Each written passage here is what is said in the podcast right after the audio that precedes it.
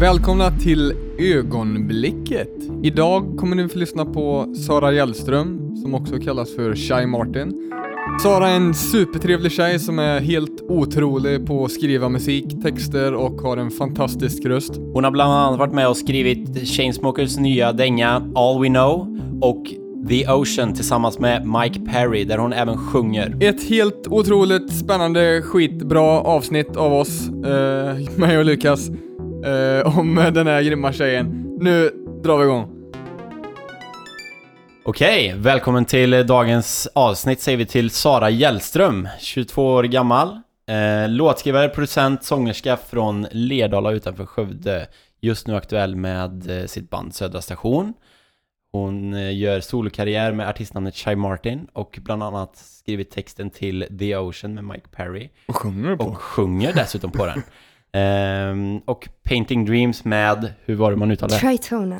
Välkommen hit, hur mår Tack du? så mycket, jag mår jättebra. Är Jag en- har fått kaffe i mig så Ja, precis, det är en tidig morgon. Fick Ja. plocka upp dig på station i, i Skövde. ja. Vad har du gjort idag?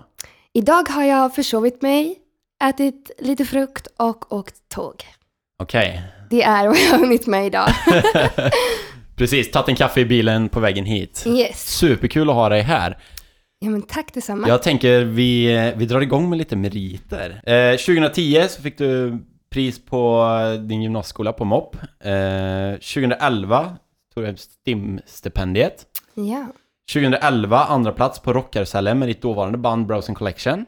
När ni körde lite rock. 2016 då, tar 2016 här, har det hänt väldigt mycket. Vann Ted Gärdestad-stipendiet med Södra Station. Eh, förband åt Oskar Lindros ihop med ditt band Södra Station. Skrivit eh, Summer Love med The Foo Conspiracy som har 5 miljoner lyssningar idag. I nuläget så har du 235 miljoner lyssningar på Spotify med låten The Ocean som är ihop med Mike Perry där du skrivit text, melodi och sjunger. Yes. Ehm, etta på iTunes, Dance Chart i USA och Kanada med låten Painting with Dreams med Tritonal. Ja. Eh, och eh, spelade på Summerburst med, ihop med Mike Perry i somras, med, ja, som ditt alias Shy Martin. Och även eh, nominerad till Årets Rookie i Dennis Pop Awards. Ja. Tämligen gedigen Det låter helt meritlista. sjukt alltså.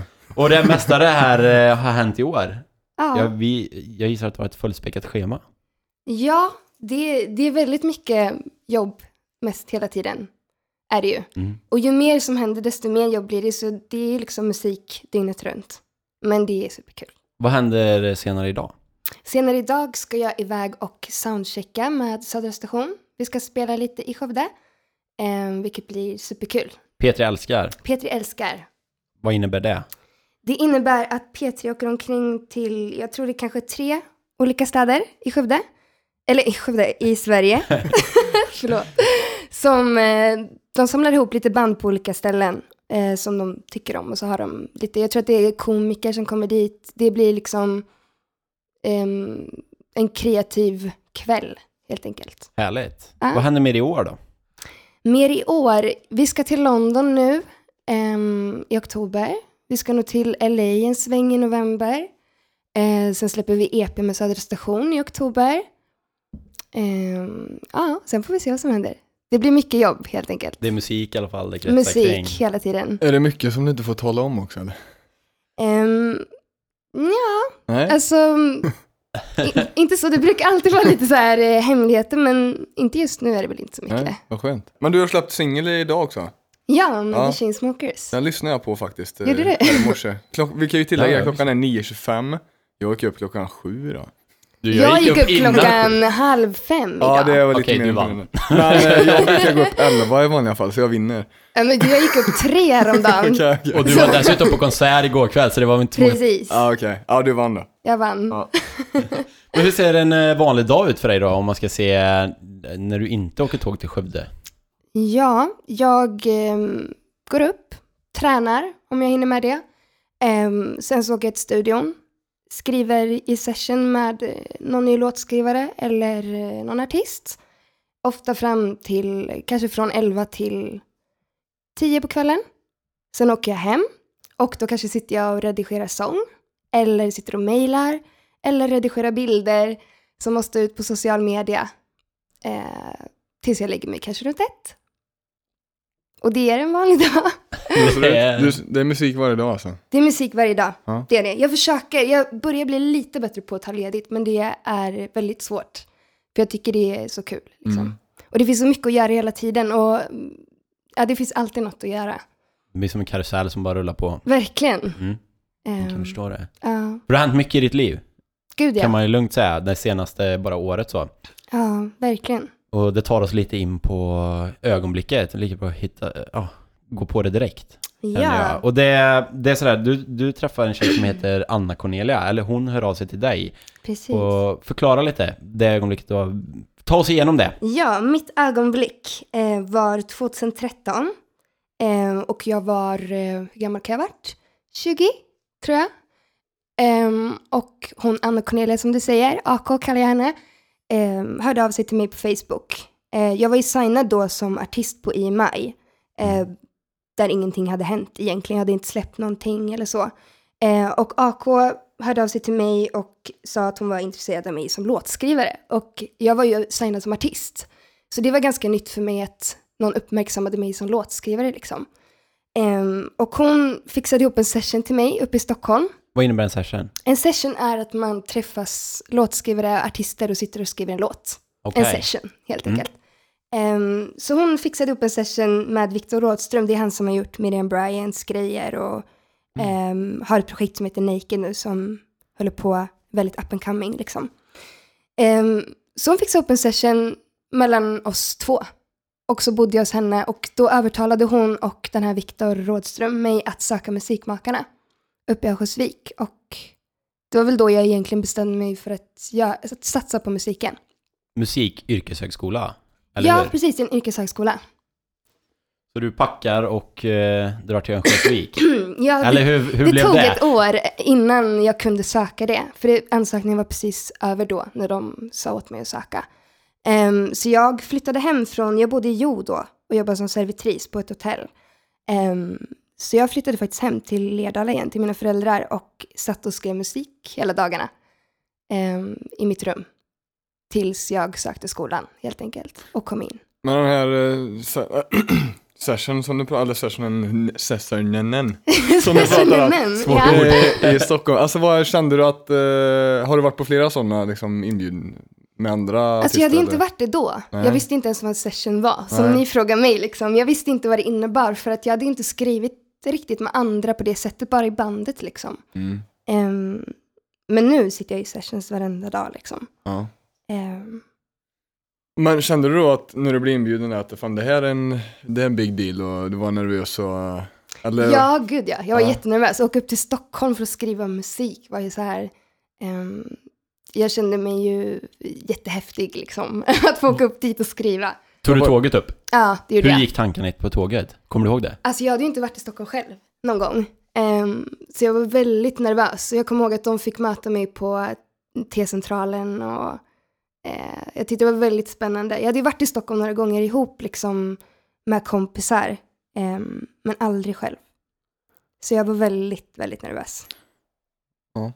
Ja, Det kan det man stor förstå. stad Det kan man man kommer förstå. från Skövde liksom. Ja, men om en, eh, med, stor, med en annan stor låtskrivare och liksom komma som så Ja, ung, 20 verkligen. år. Man är inte så kaxig då. Nej. Men kände du att det var din, liksom, eh, ditt moment eller liksom, nu, det här måste jag, det här måste jag ta tillvara på eller var det bara en grej i mängden bland mycket annat? Jag tror att det var så här att just att de trodde på mig som låtskrivare. Jag hade aldrig liksom känt där att oj, de tycker liksom jag är bra på det jag gör. Um, det hade ju många, många hade sagt att jag var bra på det jag gjorde. Det var inte så, utan det var mer att jag fick någon så längtan efter att åka upp och skriva. Liksom. Det verkade så häftigt i deras liv. Så, här. Eh, så jag blev väldigt inspirerad. Och när de sa bara, du borde verkligen söka det här, så kände jag bara, wow, tycker de att jag borde söka det här? Ehm, så jag tror det var lite så, liksom. Jag såg upp till dem väldigt mycket. Och hon, Anna Cornelia, hade, hade gått samma skola som henne eller? Vad? Ja, hon gick faktiskt. Niklas. Jag gick på MOP i Skara. Ja. Eh, och hon Music gick, and production. precis, Music and Production. Eh, och hon gick två år äldre än mig, men vi kände inte varandra där så. Eh, men hon hade nog lite koll på mig liksom efteråt. Mm. Och visste väl vem jag var. Mer än vad jag visste vem hon var liksom. Mm. Och sen så, eh, hur liksom, Hur hade de koll på dig då? Jag, jag vet att du har släppt lite singlar och sånt där på eh, typ GPCn och... Oj då. ja, precis. Jag släppte typ en låt. Två låtar släppte jag på YouTube. Ja. em, under den här tiden jag var signad som artist. Men em, det var inte mer än så egentligen. För jag började följa din, eh, din musikkarriär när du spelade i det bandet Browsing Collection Mm. där. Jag, jag var ju ett av era lokala fans. Sålde eran skiva i min butik bland annat. Ja, just det, gud. Ja, just det, Har, har din signatur på en av era sådana första släpp faktiskt. Men vad, för sen, du fick välja lite, bandkarriär eller solokarriär, eller hur? Ja, och det var ju egentligen eh, året innan jag träffade AK. Em, Okej. och Då var jag ju 17-18 var jag. Eh, och i maj hade ju kontaktat mig eh, och ville signa mig. Eh, men vi väntade på att jag skulle fylla 18 liksom, så jag kunde skriva på. Och så kom det ner en kille och skulle signa vårt band också. Och det blev ju lite problem för att det var inte så populärt att ha två projekt liksom, och skivkontrakt på olika ställen. Ehm, så jag fick ju lite så här bestämma mig där och då vad jag skulle göra av det. Och jag valde ju att köra solo-grejen liksom. Men umgås du fortfarande med tjejerna i bandet? Jag är ju Eller nästan, träffar dem? jag är ju nästan aldrig hemma, men Moa är ju liksom en barndomskompis till mig. Vi har varit grannar sedan vi var små. Ehm, så vi ses ju varje gång jag kommer hem. Liksom. Mm, härligt. Mm. Men det var liksom allt eller inget för eh, bolaget då i princip? Ja, alltså, och jag tror att det blev lite så här, jag ville satsa helhjärtat på någonting. Mm. Eh, och då fick det bli, jag hade nog redan bestämt mig under sommaren då att jag ville testa på egen hand. Mm. Var det ett svårt beslut? Ja, alltså det är klart det var, för att vi började ju bandet när vi var 13 år eh, och var ju bästa kompisar liksom och hängde hela tiden utöver bandet med. Så det, det svåra beslutet var ju att göra dem besvikna, lite så. Ja, för ni var ju ett gäng coola brudar där som var kompisar. ja. ja, men precis. Men ja, alltså det löste ju sig. Men det, det var klart det var ett svårt beslut. Ja, för de håller göra- fortfarande igång. De håller Och du igång. kör dit. Det är ju, Precis. ja. Så det är härligt, man kan fortfarande verkligen- vara kompisar. Och, Ja, men gud Mm, ja, verkligen. Superkul. Ja. Men, men eh, vi, vi pratades ju vid lite inför det här eh, på telefon och då berättade du att du satt och sådär, sjöng mycket med din mamma redan som eh, väldigt liten i bilen och, sådär, Ja. och skrev lite texter och så här. Jag är lite nyfiken på, men hur började textskrivarkarriären då för dig? ja, Kommer du ihåg något av det här som du gjorde när du var liten? alltså jag, jag var ju väldigt så här när jag var liten uppmärksamhetsberoende. Jag gick omkring och sjöng hela tiden. Eh, och jag minns, vi har ju så här massa filmer när jag står och innan jag kunde läsa liksom, så stod jag och höll upp böcker och sjöng texter ur boken fast jag inte kunde läsa. Så jag hittade ju på texter medan jag sjöng. Eller om jag satt och ritade så satt jag och sjöng liksom, åh jag målar ett hus liksom. Eh, så det var väldigt mycket så här, hitta på låtar hela tiden. Eh, jag tror jag var ganska jobbig när jag var liten. Ehm, men så det har nog bara så här varit en naturlig grej liksom hela tiden att uttrycka sig i sång och text. Har, du, har det hela tiden varit sång? Det har inte varit piano eller du vet, något instrument så? Eh, Jag gick ju i gitarr när jag var liten. Jag ville börja tuba, kommer jag ihåg. För att någon sa åt mig att jag blåste bra när jag var på musikskolan. du vet när man har en sån här dag, man får testa instrument. Ja, ja, det har jag varit på en sån. Ja, och då gick jag och testade tuba och de bara, du blåser jättebra liksom. Och jag bara, åh shit mamma, jag vill börja spela tuba. Och hon bara, ah, kan du inte börja typ saxofon eller något istället då? Så jag gick på en lektion saxofon. Det är alla, alla ungdomars dröm att spela tuba. Ja men just jag blev så glad när de sa att jag blåste bra liksom. Ja. Men det fick bli gitarr sen istället. Ja. Men eh, det var ju bra det. ja, ja. ja, härligt. Så jag har ju spelat piano och gitarr och så också, Mm. hela tiden. Musik allmänt. Ja, precis. Favoritackord? Favoritackord? Hmm. Ja, jag är ganska så här mollig av mig. Jag skulle säga ett A-moll kanske. Mm. Det känns som det Gud, passar in på mig. Det blev lite för nördigt för mig. Ja. Ja, men vi, ja okej. Ja. Nej, men det har jag hört lite när jag lyssnar på dina låtar också. Mm. Du har skrivit för Foo, eh, The Foo Conspiracy. ja, Du har skrivit för uh, Tritonal, du har skrivit för Mike Perry. Alltså jag, jag kände, jag, det finns en tråd i alla de lå- låtarna tycker ja jag. du tycker det? Ja, man hör att det är, det är samma person som har varit inblandad i det. Gud vad kul. Ja, men jag tycker det. det och det är just det lite vemodiga Och så även Ja. i Södra station, det finns lite vemod där också. Jag kanske är väldigt vemodig Du som kanske är person. Men är inte det väldigt svenskt egentligen att ha? Jo, kanske det, alltså svenskar brukar väl vara ganska deprimerade liksom, tror jag. Det är vädret. Men jag tror också så här att, jag tror man skriver, jag skriver i alla fall som bäst låtar om jag har lite kaos i livet liksom. Mm. För jag tycker det är väldigt svårt att skriva låtar liksom, åh livet är bäst. Alltså, det är ju när man, när jag är ledsen som jag vill uttrycka mig genom musik liksom. Mm. Eller om någonting är jobbigt.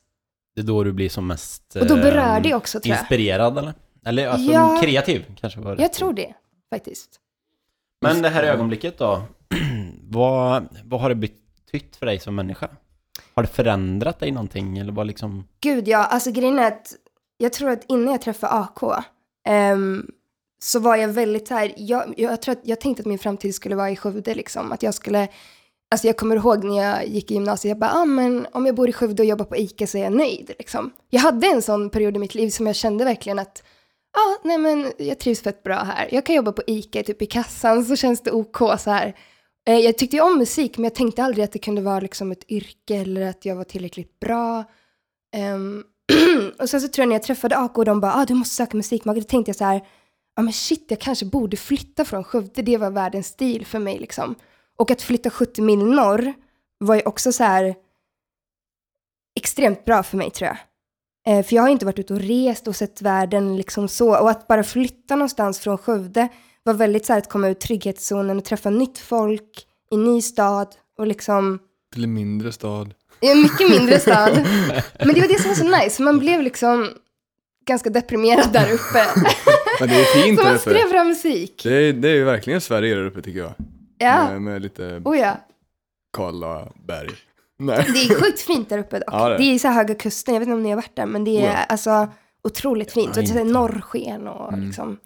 Eh, men det är ju grejen att solen är uppe liksom en timme om dygnet och det är snö upp till eh, ögonen liksom.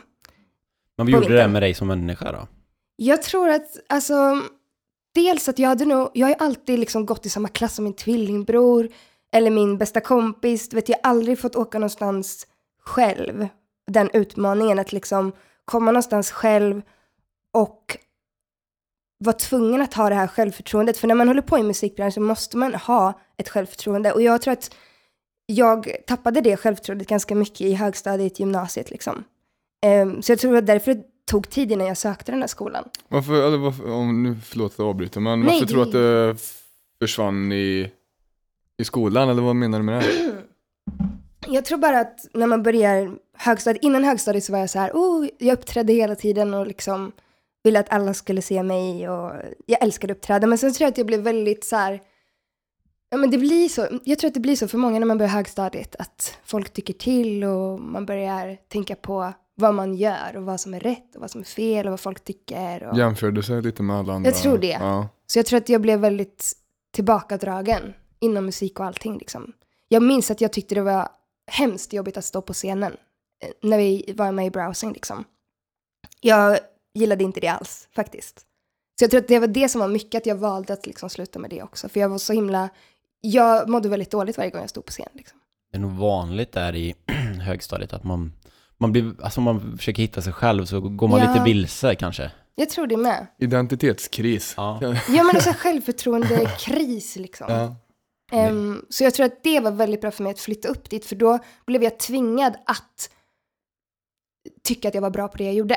För att annars hade jag ingenting där att göra liksom. Och gå utanför den här komfortboxen som du stod i här hemma. Precis. Och träffa nytt folk och ehm, ja, men var tvungen att ha det där självförtroendet. Och det fick jag öva på jättemycket, liksom att säga jag är bra på musik. För att om man satt där uppe och tyckte man var dålig, då hade man ingen, alltså då var, varför var man där i så fall?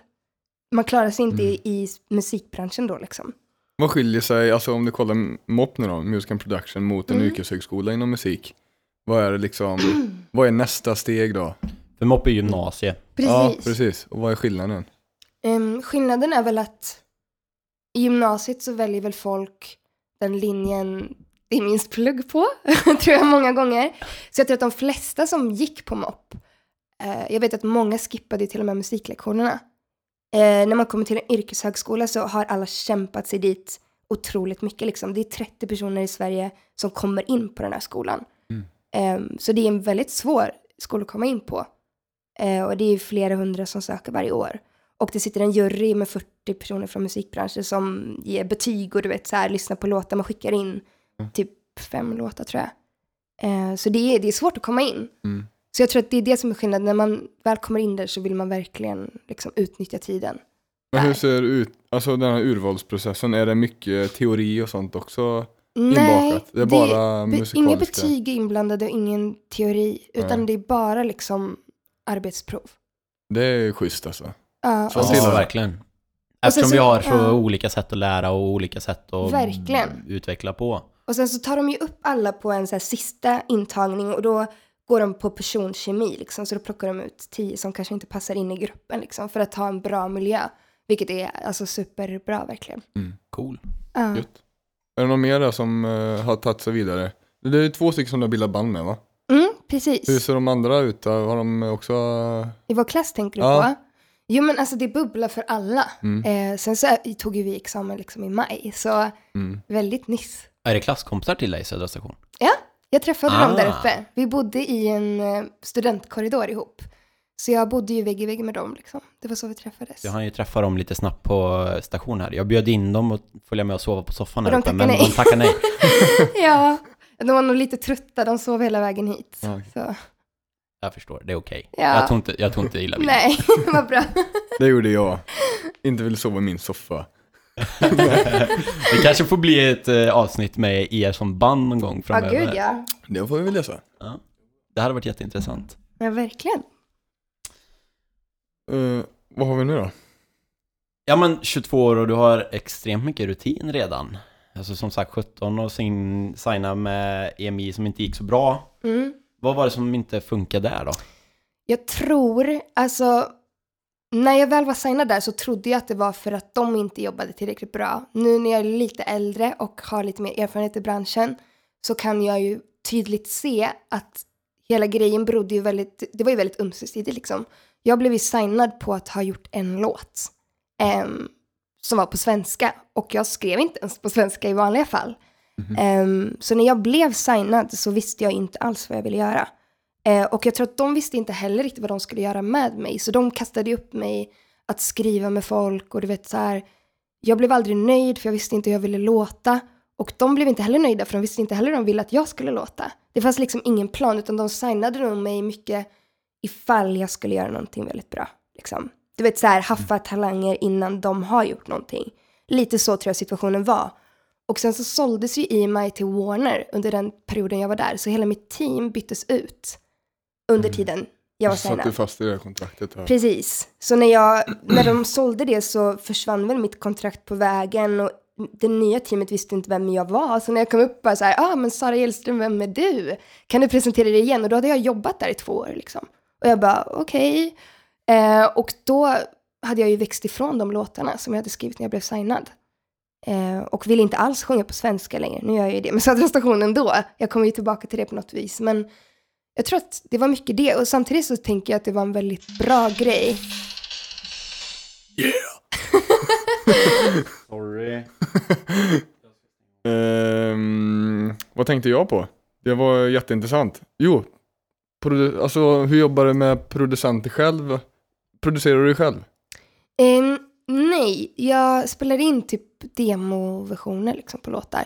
Alla låtar som jag skickar omkring har jag ju producerat själv. Liksom. Det är piano, det är sång. Jag spelar in all sång själv. Liksom. Men inte produktioner så. Mm. Det är mer piano och en kick typ. Ja. Men det funkar bra att skicka omkring också.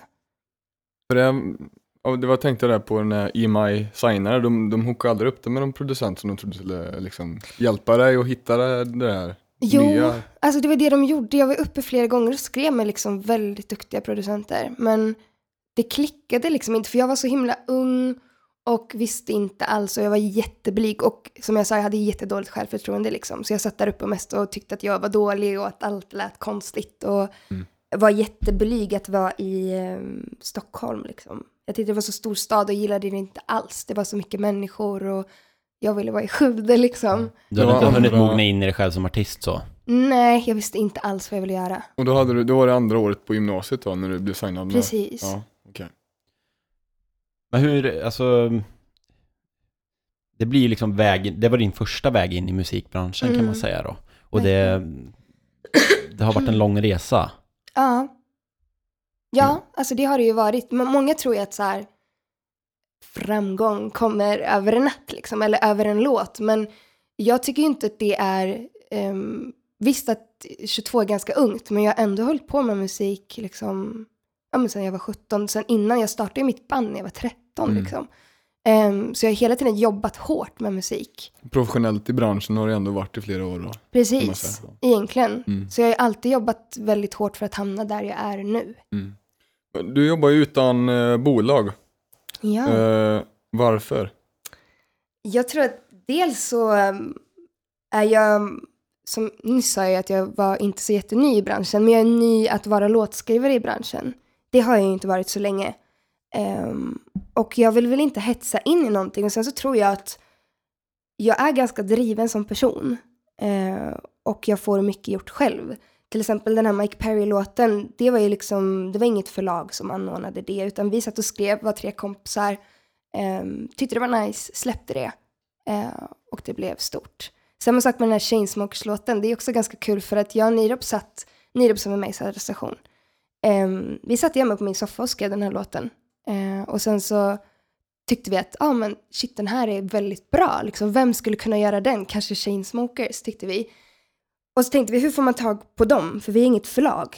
Ehm, så vi satt och googlade i 20 minuter efter en mailadress till dem och hittade deras managers mailadress. Mm. Och så skickade vi iväg låten. Ehm, och nu släpptes den. Idag? Idag. Eller igår. Ja. igår i igår? Ja, i natt typ. Precis. Så det är ju, och det var ju också utan förlag och liksom, och idag är de ju världens största akt. Just precis nu. jättestora. liksom. Mm. Eh, så det är ju helt fantastiskt. Vad- men ni hade någon, någon, något mer på gång med Chainsmokers där? Fast den låten blev till Foo. Ja, alltså det är också lite kul för det är de som har proddat den. Det är Ja. ingen som vet om det riktigt. Det är Ah, lite okej. så här, jag vet inte om det är lite hemligt eller om de eh, bara inte står för den. Grejen var att de hade gjort den prodden för typ tre år sedan. Ja. Och vi hittade, vi fick den Soundcloud-länken. Så vi jobbade ju med deras MP3 från tre år tillbaka, så jag tror att de stod inte så mycket för den. Men eh, Defoe gillade ju den jättemycket liksom. Mm. Och då tog de den bara. Ja, de köpte ju De loss köpte- den liksom. köpte. Skriver Eh. ni då kontrakt typ och liksom hur funkar de bitarna? Ja, precis. Man skriver ju kontrakt när man stimmar låten eh, som upphovsmän. Sen så skriver man även ett kontrakt för att vara featuring eller ha rösten. Liksom. Sen har man ju kon- kontrakt med skivbolag och förlag. Och... Jag tänker bli ett stort spindelnät. Det är väldigt något- stort spindelnät och det är något- väldigt, väldigt, väldigt många kontrakt. så man håller på att bli galen på det Fick faktiskt. du lära dig via yrkeshögskolan då? Alltså hur du får de här dealarna till att bli av eller liksom? Ja, alltså man har ju en kurs i musikjuridik. Mm. Och jag hade pluggat lite musikjuridik innan också, en distanskurs. Ehm, men sen så tror jag så här, när man går i skolan och inte har hamnat i de situationerna ännu så lär man sig inte så mycket. Nej, för det går ut genom, det kommer in i ena örat och går ut genom andra. För att man får inte tillämpa det tillräckligt fort liksom. Så det var en jättebra kurs, men jag tror inte att jag lärde mig så mycket som jag kom ihåg. Jag har ganska dåligt minne också. Mm. Ehm, men ehm, det är nu, först nu jag får tillämpa alla de kunskaperna och då blir det extra intressant. Så nu lär jag mig ju varje dag liksom. Mm. Men AK är ju din manager idag och du har ju en Precis. manager. Hur, eh, hur eh, hjälper hon dig och vilket inflytande har hon i din karriär? Ehm, ja, alltså hon, jag ser väl henne typ som en, eh, jag har ju både henne och uh, Freddy, Fredrik Häggström som eh, manager. Så det är två i en kan man säga. Eh, så de gör lite delade uppgifter liksom. Men eh, jag ser ju dem som, alltså de är ju som en storebror och stora syster som alltid vill en väl liksom. Och jag vet ju att det är ju win-win mellan oss hela tiden. Vi jobbar som ett team liksom. Allt gör vi ihop. Eh, och jag är ju ganska så här driven, jag mejlar mycket själv och gillar att ha en personlig kontakt med förlag och artister och bolag. Ehm, så de hjälper väl mig mest med eh, kontrakt. För jag kan inte den juridiska biten. Eh, och jag vill inte ägna min tid åt den juridiska biten heller. Jag vill skriva musik. Så de hjälper mig med att få tid till att sitta och skriva musik helt enkelt. Hur många olästa mejl har du? Alltså jag är fett bra på det där dock. Okej. Jag är sån där som läser alla mejl, det gör Ja. jag. Eh, men jag brukar kasta ganska mycket på AK och Fredrik nu. Ja. För att jag tänker att jag har svårt att anpassa mig till det för att jag brukar vara väldigt så här, men nu börjar det bli lite för mycket för att kunna Mm. hantera det själv. Det är nog bra. Jag tror det. Vi var ju faktiskt tvungna att gå igenom din, eh, vi fick, var tvungna att kolla med din manager. ja. Alltså egentligen hade man inte behövt det, men jag kände bara, nej, nu ska jag faktiskt använda mitt management lite. Det, är Det kändes väldigt seriöst där när vi satt och skrev det mejlet till din Så seriöst är Hon det verkar inte. väldigt snäll. Hon är underbar. Ja. Båda de är underbara. Så det är... Vi pratade lite om det här med att vara artist, alltså även typ om man målar eller om man gör Mm. sådär, just det här med att sätta ett värde på sitt eget, eh, vad man gör, Mm. är svårt ibland att göra själv. Och då kan det vara skönt att man har någon bredvid sig som hjälper en med att sätta värde på det. Också jag och någon som har erfarenhet och vet vad... Jag visste inte alls vad man kunde sälja vokaler för. Förut liksom. Jag bara säger, ah, men är den här vokalen värd 3 000 eller 30 000? Eller liksom, vad kan man sälja det för? För det finns ingenstans man kan söka på det riktigt. Ehm, så, så som du säger, ha någon som alltid vill ens bästa och kan tala för en. Och som man kan också lita på till 100% att ge den det här jobbet så kommer den liksom göra allt för mig. Och för oss ihop. Mm. För det är ju liksom, vi når ju vår framgång tillsammans. Eh, Det blir ju mer som, ja, som du säger, det blir som en stora syster eller storebror. verkligen, Då gäller det att hitta verkligen en person som, med. ja, jag tänker det. gud ja. Så jag hade ju jättetur egentligen att AK har ju ändå, det kommer ju tillbaka lite till ögonblicket för att det är ganska kul för jag har ju aldrig tänkt att jag skulle jobba med AK på något vis. Men sen nu när jag ser tillbaka på det så har det nog varit ganska naturligt för att vi gick samma gymnasie.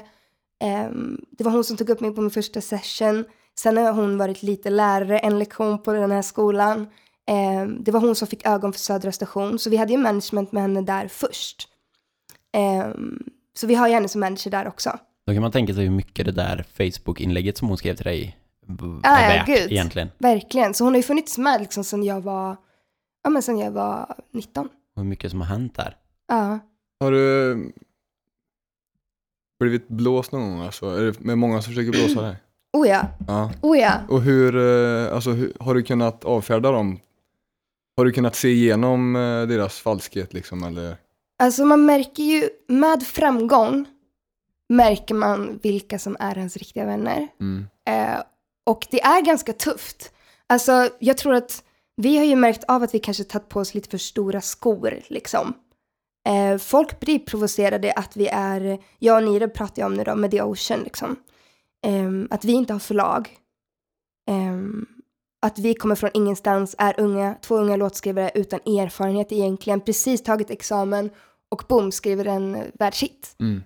Eh, det är mycket pengar på spel och det är väldigt många som vill ha de pengarna Mm. som inte har varit med i processen liksom.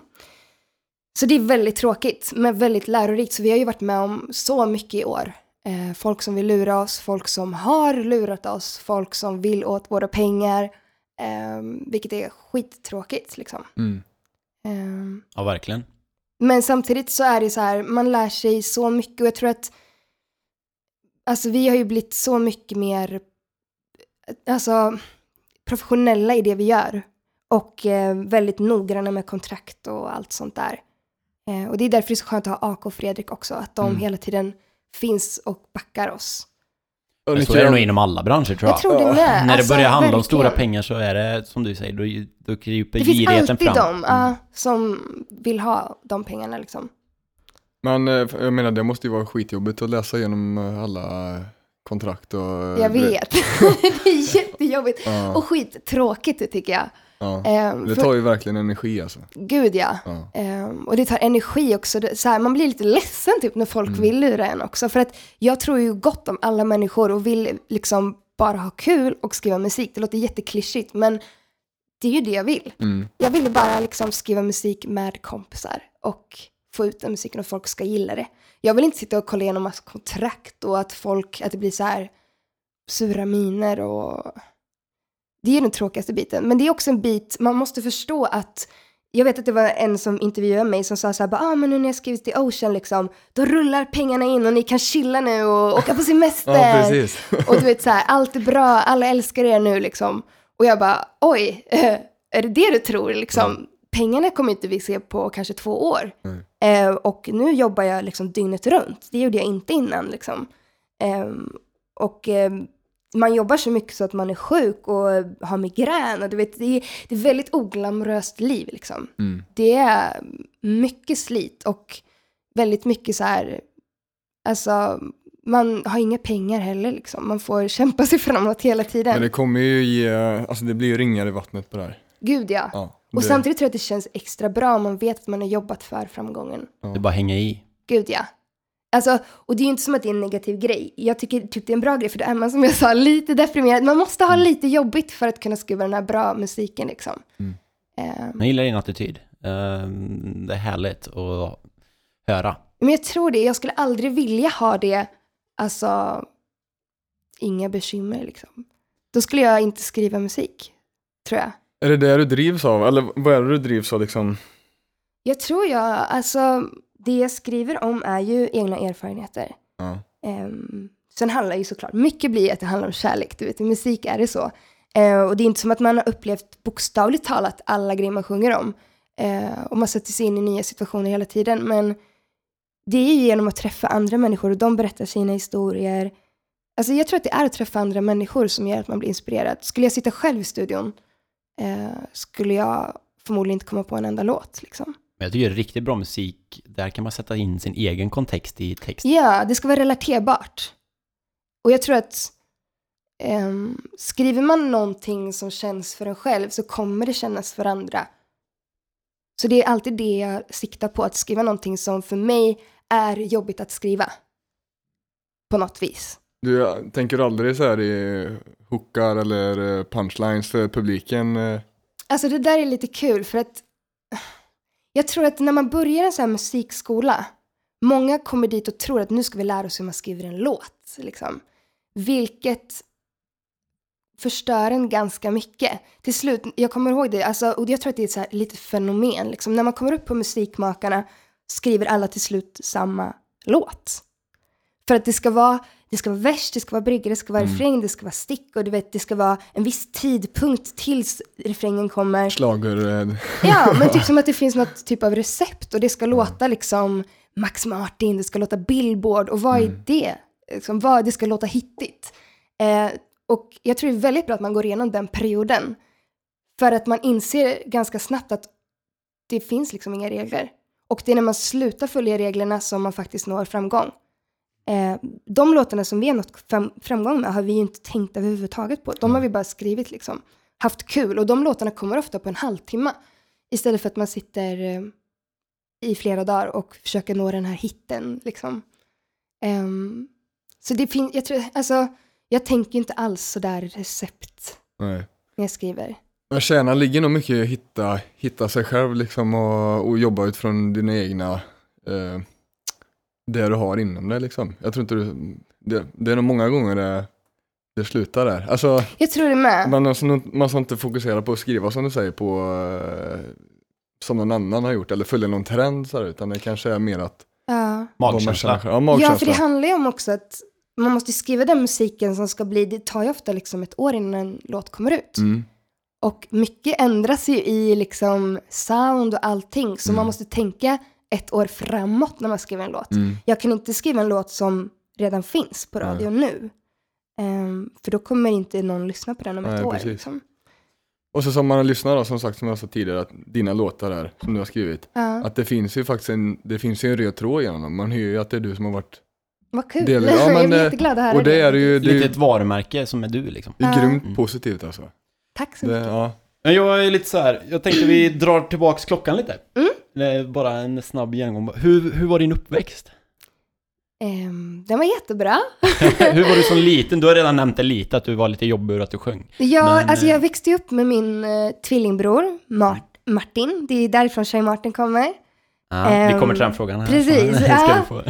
Eh, min tvillingbror, en storebror som är ett år äldre och en lilla syster som är fem år yngre. Så vi är eh, fyra barn. Mamma och Eh, pappa? En mamma och pappa. Eh, växte upp i Lerdala. Eh, har bott kanske på tre olika ställen i Lerdala. Ehm, så vi har liksom bott lite utanför Lerdala, så jag är liksom uppväxt i en by, verkligen. I skogen, nästan. Ehm, och ja, alltså vi har väl alltid varit en väldigt tajt familj.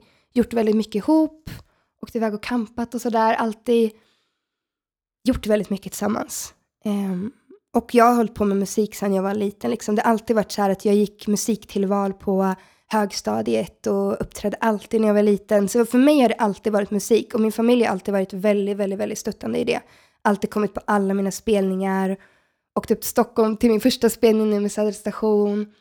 Um, så det har varit väldigt, de har varit väldigt, väldigt positiva till mitt musikval liksom. Hur var skolåren för dig? Skolåren var, jag är en väldigt så här pluggnörd faktiskt. jag skulle ha MVG i allt. Um, det räckte inte med MVG, jag skulle ha alla rätt i allt. Lite så var jag. Um, så jag var ganska besviken om jag fick två fel. Då gick jag till läraren och bara, ursäkta, vad har jag fått för fel på de här två frågorna?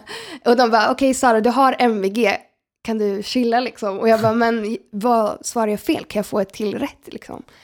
Um, väldigt perfek perfektionist har jag varit. Har var det alla ämnen? Ja, var det alla ämnen eller? Alltså, alla ämnen. Ja, även träslöjd och... Jag gick inte träslöjd, jag gick syslöjd. Syslöjd, okej, okay, uh. förlåt. Men ja. ja. väldigt så har jag varit. Ja. Alltid. Hur drömde du som ung då? Alltså hade du framtidsdrömmar? Eller hur tänkte du där? Ja, bo i Skövde och jobba på ICA, som jag sa. Nej, men alltså jag tror... Klassisk eh, Lerdala-dröm. Ah, ja, oh ja, komma till storstan, Skövde. Mm. Nej, men jag tror att när jag var liten så ville jag bli artist, eller låtskrivare, eller skådespelare. Um, men sen, när jag började högstadiet, så tänkte jag väl, när den här självförtroende-dippen kom liksom, så tänkte jag, ah, nej, men jag kan väl jobba på ICA i kassan. det blir bra. Har du skådespelartalanger? Nej, alltså jag är urusel. Alltså jag gick, i, jag gick i teater när jag var liten. Men jag har ju märkt nu, vi har ju haft sådana uppgifter i skolan, man ska göra reklam och sånt där. Alltså det, jag är jättedålig och jag har fått höra det. Men jag, jag kan ändå ta det. Jag är jätte, jätte, jättedålig. Okay. Men uh, det känns helt okej okay ändå. Men vi tar det här med ditt alias då, Shai Martin. Uh. Var kommer det ifrån? Ja, alltså det var faktiskt Nirob som kom på det uppe i Örnsköldsvik. Um, han tyckte jag var jätteblyg, vilket jag var när jag kom upp dit. Och jag hade alltid på mig Dr. Martins skor. Så han bara, åh, du borde heta Tjej Martin. Och då sa jag så här, ah, min tvillingbror heter Martin, liksom. Och han bara, what? Så här. Och Martin var extremt blyg när han var liten. Så då tänkte jag, ah, men shit, det, det skulle passa väldigt bra. Um, och sen så bara körde jag på det. Det är ett coolt namn alltså. Ja, jag tycker det. Tack så mycket. Du, du låter nästan lite blyg i rösten när du sjunger också. Ja, ja. ja, lite grann. Men hur bildades Södra station då? Ja, det bildades, eh, som sagt, vi bodde ju i den här korridoren. Och jag tror att jag och Nirob och Fredrik var väldigt det var, blev ju väldigt sån här stämning att alla skulle sitta i studion så länge som möjligt. Um, det blir en sån miljö där uppe.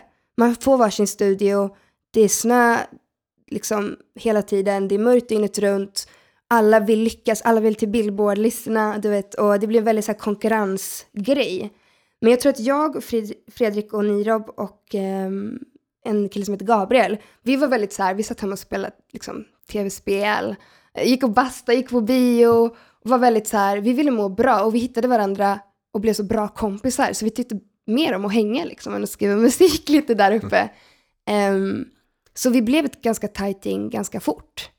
Eh, så jag blev jätte, jättebra kompis med Fredrik och Nirob direkt.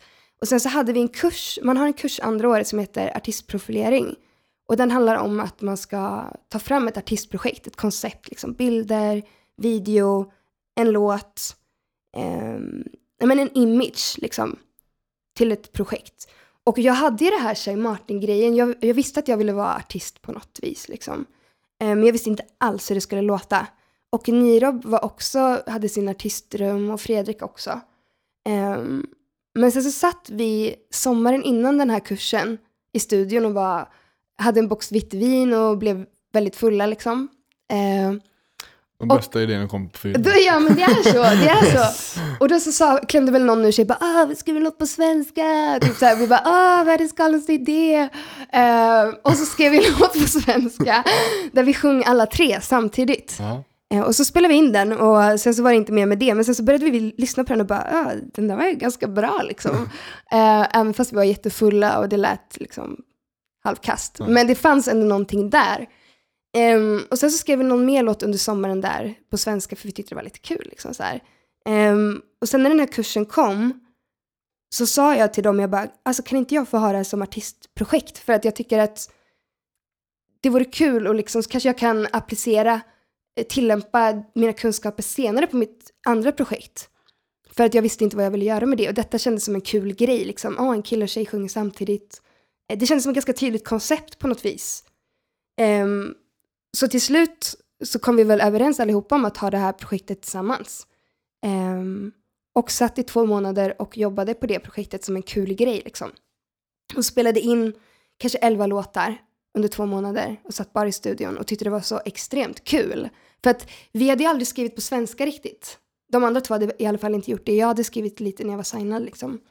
Um, men så det fanns liksom inga regler. uh, och var väldigt så här, ingen press liksom. Um, och sen är plötsligt så visade det sig att alla, det blev väldigt uppmärksammat i branschen och förlagen och bolagen gillade detta väldigt mycket. Så till slut signade vi på Sony Music och nu spelas ni på radio. nu spelas vi på radio. Är det de här två första låtarna, är de släppta eller? Två låtar är släppta. Ja, men de två första som ni skrev där, när ni, ni Nej, var fulla. faktiskt inte, men Okej, får vi höra dem? eh, det, ni kommer få göra det. Vi kommer släppa en EP i eh, oktober. Ja. Eh, och den första låten är den första låten som vi skrev. Kul. Cool. Och du och Nirob är ett par? Ja, det gör vi. Vad Det gör vi kul. faktiskt. Ah, var tvungen att slänga in det. Ja. Ja, det var roligt. Mm. Ja, Vad- cool. vad Jag tänkte, jo just det, det här med svenska, skriva på svenska. Mm. Um, Skulle det är lättare eller svårare att skriva på svenska? Eh, ja, vi börjar där. Ja, ehm, bra fråga. Jag tycker olika i olika perioder tror jag. Mm. Ehm, efter, när vi satt med det här projektet så tyckte jag det var väldigt, väldigt enkelt att skriva på svenska. För vi hade skrivit så mycket på engelska. Och helt plötsligt var det, eftersom det var ett så skojprojekt liksom. Och inte, det skulle egentligen inte bli någonting. Så var det så lätt att skriva det. Mm. Ehm, vi bara, ja, men vi visste vad vi ville ha liksom. Eh, nu kan jag tycka att det är lite svårare att skriva på svenska för nu har jag varit så inne i att skriva, jag får ju varva Söderstation lite med Shea Martin och Mm. låtskriveriet så det blir väldigt mycket jag vet inte, nu tycker jag nog engelska är lättare att skriva på just Mm. nu. Är du, är du, eller har du alltid varit du- duktig på engelska? Alltså, hade, du- du hade MVG som du sa kanske? jag hade det faktiskt, också? jag hade VG i engelska. okej. faktiskt. Ja. Det var typ ett av de få ämnena jag hade VG i. Ja. Ehm, och jag tyckte, jag tyckte engelska var jättesvårt, men det var för att jag inte fattade vart jag skulle använda det. Liksom. Jag skrev inte så mycket låtar då på Mm. engelska. Eller så här. Jag eh, var inte intresserad helt enkelt. Mm. Ehm, men nu tycker jag ju det är sjukt spännande med engelska. Och är du orädd för att slänga in eh, typ så här meningar som kanske inte betyder något? Eller ska det alltid vara korrekt engelskt? Alltså, jag, brukar, jag vill ju helst inte göra liksom grammatiska fel och sånt. Nej. Det vore ju jobbigt. Ja. Ehm, jag tror att jag funderar inte så mycket. Jag har väl blivit van vid att uttrycka mig på engelska Mhm. inom låtar. Jag tror att jag uttrycker mig bättre i låttexten liksom, om jag skulle prata engelska. Faktiskt. Men vad är det som influerar dig då när du skriver musik? Det är väl, ehm, alltså jag lyssnar inte så jättemycket på musik själv, om jag ska vara helt ärlig. Eh, det blir mycket att man lyssnar på sina egna låtar. För att man bearbetar och lyssnar på bouncen när man kommer hem från studion. Ehm, så jag lyssnar mycket på så här New Music Friday, liksom. Kolla nya releaser. Hela vägen hit så att jag kollar vad har släppts idag, liksom. Ehm, och det är väl det som inspirerar mig. Att lyssna på andras musik, träffa nytt folk hela tiden. Ja. Då plockar du in det i ditt eget. Precis, jag tror det. Cool. Ja. ja. Ja, men absolut, det behöver inte vara mer än så. Ehm, ja. Men vad är det som gör att du drivs framåt då? Jag tror att Driver jag... du dig själv hårt? Ja, jag tror att det är lite den här grejen du vet med att vilja ha MVG allt. Som faktiskt ligger, som gör mig väldigt disciplinerad och driven. För att jag vill alltid vara väldigt bra på det jag gör. Eller alltid göra, inte vara väldigt bra, men alltid göra mitt bästa i det jag gör. Tror jag. Jag jämför mig inte med andra så, utan jag tänker bara att jag vill göra mitt bästa liksom. Ehm, Tänker, kan inte det bli för mycket ibland? Är det så att du piskar dig själv för hårt? Och att du mår dåligt av det? Eller Ja, är det... Absolut. Eh, alltså absolut. Jag har jättesvårt att vara ledig till exempel. Eh, och min, det är också så uppgift som mitt management har. Liksom, Sara, nu går du hem och sover. eh, för att jag, jag jobbar ju varenda dag, liksom, som jag sa. en vanlig dag att jobba från att jag vaknar till jag lägger mig. Um, och det blir väldigt, väldigt, väldigt mycket. Um, och jag är väldigt sjuk väldigt ofta och har migrän väldigt ofta. Liksom, och är väldigt stressad liksom, som person. Samtidigt kan jag inte riktigt låta bli att göra de här grejerna för jag tycker det är så himla kul. Men jag tror att jag, nu är jag ganska ny i det här också. Och då vill man ju göra så mycket man bara kan. Det är så Mm. mycket, allting är så nytt och så roligt liksom. Se till att vara försiktig bara. Ja, och det är det jag får vara, att liksom, jag tror man hittar en balans och lär sig leva med det. Väggen är ofta närmare än man tror. Ja, jag har hört det Säger där. jag med erfarenhet. Ja, jag också. Ja. Men eh, det är ju kul när man får den här chansen och jag förstår verkligen, Gud, då vill ja. man ta den. Såklart. Men samtidigt så vet jag ju att välmåendet är ju liksom prio ett. Mm. Jag försöker lära mig det. I alla Tänker fall. du, vi- dina projekt som du jobbar med, eller dina låtar, Mm. tänker du att de ska bli bättre än det du släppt innan? Eller tänker du bara att nu ska jag göra en jävligt bra låt? Jag tror att jag tänker inte på låtarna så fort jag släppt dem så har jag släppt dem liksom. Redan idag så tänker jag, alltså redan när jag visste att Chainsmokers-låten skulle släppas så var det så här, ja ah, men nästa låt, vad skrev jag för låt? Ehm, och jag tänker nog aldrig så här, den här måste vara bättre eller, utan jag tänker bara, vad är jag sugen på att skriva för låt idag? och så skriver jag. Mm. Fast vad gött. Ja, men det känns faktiskt skönt för att jag tror att man hela tiden måste ha, någon sa till mig någon gång så här att du är aldrig större än din senaste hit. Liksom. Ehm, och man måste hela tiden, alltså en hit glöms ju av ganska fort ändå. Jag, jag tänker bara så här, Mike Perry-låten, den kommer ju vara död liksom om en månad kanske. Ehm, och musik är inte så långlivet längre. Eh, så man får hela tiden vara redo med nästa släpp. Jag vill aldrig sitta och inte veta vad mitt nästa släpp är, tror jag. Men det, är, det kommer in på ditt, ditt varumärke igen, det är ju otroligt viktigt egentligen då. Det blir viktigare än Verkligen. vad, vad du släpper, liksom, hur lång livslängd Ja. dina låtar har. Verkligen. Och det är också så här för att jag har ju märkt liksom efter den här låten att helt plötsligt vill alla ha ens röst. Och man kan inte vara med på 20 låtar samtidigt liksom. Utan det, man måste lära sig vad man vill med sitt varumärke. För nu helt plötsligt är jag artist också. Mm. Ehm, Ja, för du har en väldigt unik röst. tack Och du kan använda den på, ja men jag har lyssnat också, lyssnat in mig innan liksom Ja. det här på, på de olika låtarna. Södra station så sjunger du på ett visst sätt som blir liksom lite tydligare. Mm. Sen så har du lite, några låtar där som liksom blir lite mer... eh, Indie. Ja, jag kan nästan, jag har svårt att förklara Ja, rösten, men, den, men man hör fortfarande att det är du. ja. Men det, ja, ja, ja, precis, det är väldigt unik röst. tack. Och är det liksom, är det någonting som du har jobbat fram eller har det kommit naturligt? Alltså jag tror att jag har ju... Det är inte som att jag... jag har, det har nog kommit väldigt naturligt. Att jag har ju Ja. sjungit väldigt, väldigt mycket. Ehm, och det är klart att man hittar sitt sound mer och mer, liksom vad man är bekväm i och så. Och sen som jag sa till er innan här, att jag opererade ju faktiskt halsen och då ändrades min röst väldigt mycket. Eh, väldigt nyligen, liksom i december. Eh, och då fick jag lära mig att sjunga på nytt efter det. Hur jag skulle sjunga, för att när man har, jag opererade bort halsmandlarna liksom. Eh, och det var jättesvårt att sjunga efter det. Jag hade extremt svårt och det gjorde ont och liksom man fick lära sig sjunga på ett sätt så det inte gjorde ont. Och jag tror att då ändrade jag lite hur jag sjöng för att lyckas ta tonerna. Mm. Och- Du får ju större hålrum i... Precis, så det blir väldigt mycket mer ja. luftig röst. Och den ljusare röst det är framför klart. klart förändras och, och sen så vill man inte att det ska göra ont heller. Nej, Nej. precis. Och jag, alltså, jag kommer ihåg efter jag hade opererat mig, jag stod ju och grät liksom, i studion. Jag bara, jag kommer aldrig kunna sjunga igen. För att Mm. det kändes verkligen så, för att jag kunde inte... Som jag märker nu bara när jag pratar, att jag blir ansträngd i halsen väldigt mycket liksom, efter Mm. den här operationen. Ehm, så det, det har ju verkligen förändrat mycket. Samtidigt har det varit till det bättre. Ja, för du sjunger ju väldigt, alltså det är ju lite hest. Mm. Det, man hör ju att du använder halsen mycket. Du Ja. viskar ju nästan liksom. Och jag känner själv när jag sjunger att det blir, det sliter ju Ja. mer på Än när man stämbanden sjunger med än- magen, Ja, liksom. precis. Än när man trycker på ordentligt. och det där tror jag, jag har alltid haft urusel sångteknik. Ja. Så jag tror det är därför jag sjunger lite som jag gör också faktiskt. För jag har aldrig lärt mig, jag har ju gått sånglektioner men jag har aldrig fattat hur man sjunger med magen. Jag tycker det är jättesvårt. Kommer du fixa ett gig på två och en halv timme om eh, fem år då? Det får vi se. Ja. Om jag har en röst kvar. ja. Ja, jo, men Det får vi verkligen hoppas. det får vi hoppas. ja, det har varit häftigt. Ja, vad tror du är nycklarna till dina framgångar är då? Om, du ska kika, om man ska kolla på sånt. Vad, vad har gjort att du är där du är? Jag tror framförallt att jag är driven. och disciplinerad. Och ehm, vet, alltså jag jobbar väldigt hårt. Helt Ja, du har ju inte gett upp fast du har tagit emot. Nej, och jag tror så här, jag, alltså även om det händer jobbiga grejer så inom musiken, det är tungt väldigt mycket liksom.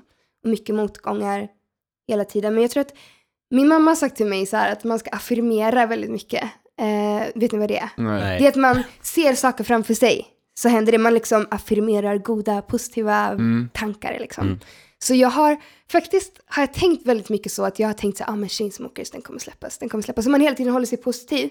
Och då har jag märkt att när man hamnar i ett flow så är det väldigt lätt att fortsätta hamna i ett flow. Om man börjar tänka negativa grejer, då tror jag att man hindrar sig själv väldigt mycket. Så jag försöker tänka framåt positivt hela tiden liksom.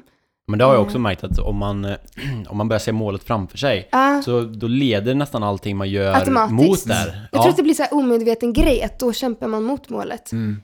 Men det är som när man har en dålig dag, ni vet när allting går fel mer och mer och mer och mer, för att man hamnar i en dålig flow liksom. Ja. Och jag tror att det är så med livet också. Man har liksom någon kylskåpsbild då på en eh, Ferrari och, eller vad är det, vad är jag det har som? inget sånt mål. Alltså det roliga var att jag och Nirup skrev ju mål på nyår. Vi bara, ah, men shit, nu ska vi vara duktiga och skriva mål. Liksom. Man borde ha mål. Mm. Vi bara, ah, men fem miljoner streams på Spotify, ehm, två låtar på radion, ehm, typ släppa en låt med någon annan artist. Det, och vi bara, det Mm. Klart. är liksom Ja, eller hur? Ett halvår in, klart. ja men faktiskt, och det är, det är ju extremt kul. Ja. Jag hade aldrig trott det. Liksom. Men eh, har ni satt mål för, vad är mål för i år? det var för i år. Ja, har ni satt för fem år och tio år också? Ja, hur ser framtiden ut? Ehm, ja, jag vet faktiskt inte. Jag tror att jag tänker väldigt mycket bara typ vecka för vecka just nu. Ehm, mer att jag så här tänker vilka jag vill skriva med och ehm, alltså det är klart att nu har ju, jag trodde inte möjligheten fanns för en marknad på, alltså på marknaden i USA, att jag skulle platsa in där. Men nu har jag ju märkt att, ja men okej, om vi kan släppa en låt på Chainsmokers, varför kan vi inte släppa en låt på Justin Bieber? Eller varför kan vi inte Gaga. Gaga, ja men precis. Det, det, då förstår jag helt plötsligt att ja, men det finns kanske inga gränser riktigt. Eh, vilket tror jag är en väldigt bra lärdom. För att då kommer jag hela tiden tänka att det inte finns några gränser och att jag bara, ja men tycker den här låten bra, då skickar jag den till den jag vill ska göra den. Sen kommer det inte alltid funka, självklart, men jag tror att att ha det mindsetet tror jag kan ta en väldigt långt. Och sen så det, du bygger ju ett ganska kompetent nätverk nu också. Verkligen, Och det de- blir bra i en ja. CV. Jag menar, och det kommer ju, de kanske ha vägar in på till de kontakterna också. Gud, det kanske ja. är lättare och, den vägen än att googla sig fram då till en mailadress. Verkligen. Så nu, kom, nu blir det ju att man hamnar i ett positivt flow. Liksom. Mm. Eh, så nu kommer vi åka till LA och skriva med mer etablerade låtskrivare. Eh, kanske mer etablerade artister. Så det kommer ju... Har du några sådana riktiga drömartister slash eh, låtskrivare att, som du verkligen skulle vilja jobba med? Alltså det roliga var att jag hade Chainsmokers som en sån. Mhm. Eh, I början av året. Jag bara, de skulle vara så fett att göra någonting med. Eh, nu har jag väl typ... Alltså jag vet inte. Samtidigt så känner jag inte så här att och bara för Justin Bieber är liksom störst vill jag skriva med honom. För att jag tycker det är minst lika kul att släppa med Mike Perry liksom.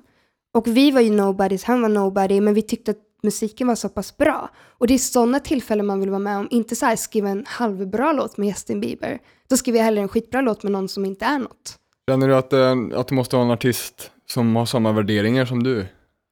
Um, alltså jag vill ju umgås med folk som vill lyckas tillsammans. Ja. eh, och är ödmjuka. Mm. Och man märker ju, man hamnar ju, när man sitter i så många sessions så märker man ju ganska snart om personen i rummet är samma typ av person, har samma typ av eh, mentalitet. Liksom. Ja men och jag, du är ju väldigt ödmjuk som person och väldigt härlig så och jag, jag vet inte, det känns som det är lite en eh, röd tråd genom eran släkt faktiskt. För jag känner ju, ja men jag känner lite andra Gällströmmare. Bland annat så hade jag två teamåkare på mitt, eh, i min butik, Abbe och Theo som är dina kusiner. Jag har träffat eh, Hampus, din bror. Ja. Alltså det, det är lite ett genomgående, eller känner du det? Ni är väldigt eh, jordnära och härliga som personer tycker jag. Tack så mycket. Det kanske är så. Jag tror att min familj har alltid varit väldigt liksom... Det har varit viktigt med ödmjukhet. Jag tror mina föräldrar har alltid varit så här... det spelar ingen roll om du lyckas. Alltså att lyckas är att göra det man vill göra liksom. Eh, det är därför de alltid har varit så positiva till att jag ska göra musik. För att jag tror att eh, det har hela tiden varit den grejen i vår familj, att vi har varit väldigt stöttande och väldigt så här ödmjuka eh, med varandra. Det kan nog vara det, jag vet inte. Nej, men, det, Men jag blir väldigt bara- glad att du säger det. Ja, jag tycker det. Jag, det har varit jätte... Det är en härlig släkt. Av, så långt som jag har lärt känna Hjellström. Men eh, håll kvar i det. ja, absolut. Oavsett så att du liksom inte... Eller vad känner du? Men det är det jag tror är viktigt också, så här, att man inte fokuserar på att skriva med de fetaste namnen och att åka till LA bara för att man kan, eller du vet så här, ehm, köpa dyraste grejerna om man får pengar. Att för mig handlar det om att skriva med folk jag tycker det är kul att skriva med. Mm. Om, det, om jag inte tycker Justin Bieber är kul att skriva med, då, varför skulle jag vilja skriva med honom då? Då kommer inte det gynna mig. Liksom, jag vill utvecklas och skriva med folk. Jag har ju liksom, jag lever ju i mitt drömyrke liksom. Eh, och det vill jag göra med folk jag tycker om. Du, du tycker inte om Justin Bieber? Nej, det har jag inte sagt. Jag kollade på honom Jag igår. skojar bara. Jag var ju på hans konsert igår till och med. Okej, var det bra? Ehm, faktiskt var jag väldigt besviken. Aha. Ja. Kanske därför jag snackar så mycket om honom. Vi ska skicka den här till Justin Bieber sen. Vi behöver, vi behöver inte ta hela den vägen. Nej. Men eh, så här då, om det sitter folk där ute eh, Mm. på sin kammare och tänker shit, jag har världens dröm här. Hur, eh, har du några tips på hur man ska få sin dröm uppfylld? Jag tror inte att man ska tänka så mycket. Jag tror att... ehm, ja, men nu säger jag kanske emot mig själv, för nu sa jag att jag affirmerar väldigt mycket. Det är att tänka på sin dröm. Liksom. Jag tror mer att man ska gå på magkänslan. Jag har alltid tyckt, folk har alltid sagt till mig, gå på magkänslan och jag har inte fattat någonting om det. Liksom. Jag bara, vadå, hur ska jag känna i min mage, liksom, vart jag ska gå? Eh, och verkligen inte fattat den grejen. Nu dock börjar jag fatta den grejen. Att så här, inte slösa tid på folk som tar energi. Alltså jag tror att det är det viktigaste, vilka folk man omger sig med. Omger man sig med folk som är positiva, ödmjuka och vill ha höga ambitioner som en själv, då kommer man automatiskt framåt. Stannar man med personer, hade jag varit kvar i Skövde hade jag förmodligen inte Nej. suttit här nu liksom. Våga vidga sina vyer. Ja, men verkligen. Och inte vara rädd för att bara så här, träffa nytt folk. För jag tror att det är mötet när man träffar nytt folk som man utvecklas. Och det är utveckling som tar dig till din dröm. Liksom. Men även vara den personen som utvecklar andra. Verkligen. Eller? Ja, alltså det är ju ett utbyte, verkligen. Mm. Ehm, och hela tiden vara öppen, att inte ha fördomar om folk. Liksom. Att så här, träffa folk och bara byta ut kunskaper. Det låter jätte så här fint och klyschigt, men faktiskt, jag tror det, verkligen. Oftast eh, det här med magkänslan, det, det kommer väl ofta när man har två val egentligen. Ja. Eller när man har ett vägval och du måste välja. Kanske som det med med. browsing och, och solokarriären. Ja. Det, var ju- det, det kom ju magkänslan fram liksom. Sant. Jag tror att man, när man kollar tillbaka så tänker man nog, eller man förstår att man har använt det oftare än vad man har vetat om. Man har Mm. bara inte känt, vetat vad känslan är. Jag menar om du står på ICA då och, och bara, du har, bara har det valet. Då har du inte så jävla mycket magkänsla och, Nej, alltså- använda. Jag är ju extremt alltså, beslutsångestperson. Om jag står på ICA, då kan Ja. jag stå vid apelsin eller fruktavdelningen liksom så här en halvtimme, timme. Mm. För att jag inte kan välja vilken apelsin jag ska ta. Alltså på riktigt, det är jag. Så det, jag tror det är därför jag har haft lite svårt att så här, Nej, men kanske, för jag tror många liksom kör fast lite i att de inte hittar vad de vill göra för att de inte testar grejer mm. eller går utanför sin box. Och jag tror att det är väldigt, det var det jag kände var så skönt, det är det som är så bra med musikmakarna. Alltså har man drömmar med musik, jag kan så starkt rekommendera musikmakarna. Grejen är att man får två år på sig där man får CSN. Man har råd att misslyckas. Och man har råd att experimentera för att du har pengar till det liksom. När man slutar skolan då har man inte råd längre att misslyckas för att då får man äta gröt i resten av månaden liksom. Um, så att få den möjligheten är helt fantastiskt. Alltså, så alla där ute som vill hålla på med musik, alltså jag verkligen rekommenderar musikmakarna. Nice. Jag får söka då. Jag kommer in lite... Ja, Men då kommer vi in på, jag, vi ställde frågan, en eh, tips på en eh, gäst i podden. Mm. En person Ja. som du skulle tycka var intressant att lyssna på. ja, alltså jag vet ju att ni håller på med många liksom, områden i karriärer. Jag känner ju mest folk inom musik liksom. Ehm, så skulle det vara inom musik skulle jag absolut rekommendera min manager faktiskt. Mm. Anna Cornelia, hon har gjort en fantastisk resa. Hon är bara 25 år och är redan liksom boss i branschen. Alltså hon, Hon är så häftig och jag ser upp till henne så mycket. Eh, Har hon några mer artister som... eh, ja, alltså hon har ju också Södra station. Sen har hon ju mig Mm. som Shay Martin och även Nirob som Shay Nodi. Han har Mm. också lite grejer på G. Okej. Eh, sen så har hon tre låtskrivare till. Eh, Och du sa att hon var lite en sån person som rörde runt i grytan och Oh inte ja, så Hon traditionell. går emot normerna i musikbranschen totalt. Och Häftigt. jag tycker det är helt underbart att vara en del av det. Eh, för det är ju lite så som vi har gjort också egentligen. Att bara så här strunta i reglerna som finns, liksom, som egentligen inte alls finns. Eh, så henne, hon skulle vara väldigt inspirerande. Eller Linn Karlsson som är eh, fotograf från Skaraborg. Mm. Också superduktig, superdriven och har verkligen struntat i vad alla har sagt att hon inte borde göra och inte kan göra. Utan hon gör ju bara det hon känner för och har lyckats jättebra. Det ska vi skriva upp. Låter som något för oss. Ja, Ja. absolut. Någon av de två. Och det är så här väldigt girl power också. De struntar i liksom... Vi tar båda det tycker vi. jag. Ja, det tycker jag med. ja, Det, om, jag tar en till fråga här nu. Om Mm. du, vi säger att du får ett gig här nu. Mm. Du, du får sätta ihop ett gig eh, med dig själv. Och så får du ha två artister till som skulle passa, liksom, som du känner att De ska spela med mig. Ja, det, det skulle funka som förband eller huvudakt då. Oj, vilken svår fråga. Drömkonserten. Drömkonserten, där Ja. jag är en del av den då. Ja, precis. Och du får ta oh, alltså, vilka döda också, liksom. bara själva Åh. konceptet. Alltså jag gillar ju verkligen Tove Lo. Ja. Hon tycker jag är ashäftig. Eh, verkligen så här girl power brud. Eh, och så duktig låtskrivare. Ehm, så kanske hon. Ehm, och sen så gillar jag ju...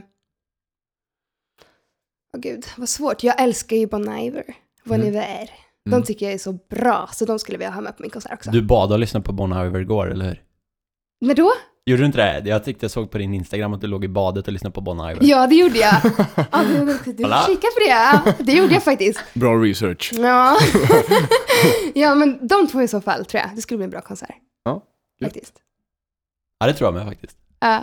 kanske, jag vet inte om det skulle passa. Jo, men jag har nog lite blandning av dem kanske. Jag vet inte. En fråga jag till gillar då. båda. Den här konserten, Ja.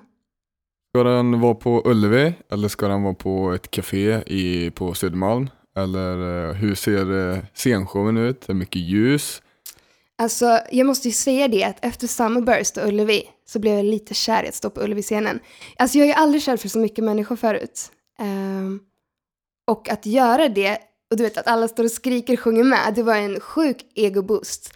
Ehm, ja, det var helt sjukt. Så Ullevi skulle det vara. Ja. Ehm, och det skulle vara mycket fint ljus. Lila? Nej. Lila ljus. Nej, jo, men alltså, jag, jag tycker om, jag tycker det är ehm, mycket ljus. Ja. Show kanske, mycket så här fina filmer i bakgrunden. Jag gillar ju så här artsy grejer, liksom. jag gillar att fota själv. Så ja. eh, fina filmer i bakgrunden på så här stora screens. Okej. Nice. Mycket, eh, om, man, om vi går in på färger här nu då, vilket färgtema? Är det Jag gillar blått och lila. blått och lila? Det är ja. det? Mm, mm. Ja, det tror jag. Ja, häftigt. Ja, men det, man ger lite eh, vibbar. Ja, så- Ja.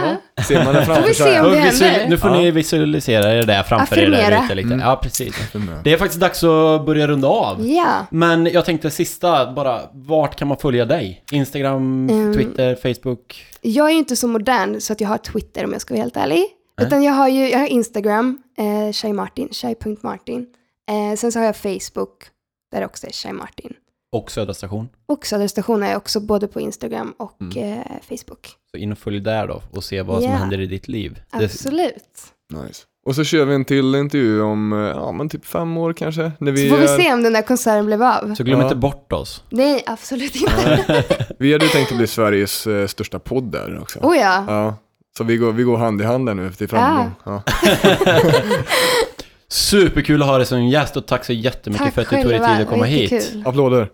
Ja, Hoppas ni har eh, uppskattat det här eh, avsnittet. Vi har verkligen uppskattat att Ja, göra den här eh, intervjun. Grymt. Tack och lycka Och- till ikväll. tack så mycket. Tack för att ni har lyssnat på dagens avsnitt av Ögonblicket. Vi hoppas att det har varit givande för er, lika mycket som det har varit för oss. Eh, är det så att ni funderar på mer saker så följ oss på Facebook, Ögonblicket, eller på Instagram, Ogonblicket podd med ett D. Eh, är det så att ni har funderingar på gäster som ni vill vi ska intervjua så kom jättegärna med förslag och även om det är så att ni har förbättringar eller funderingar på saker som vi kan göra för att eh, bli bättre helt enkelt. Eh, hoppas ni får en trevlig dag, kväll, eftermiddag, natt eller vad det nu är hos dig. Ha det bra. Hej!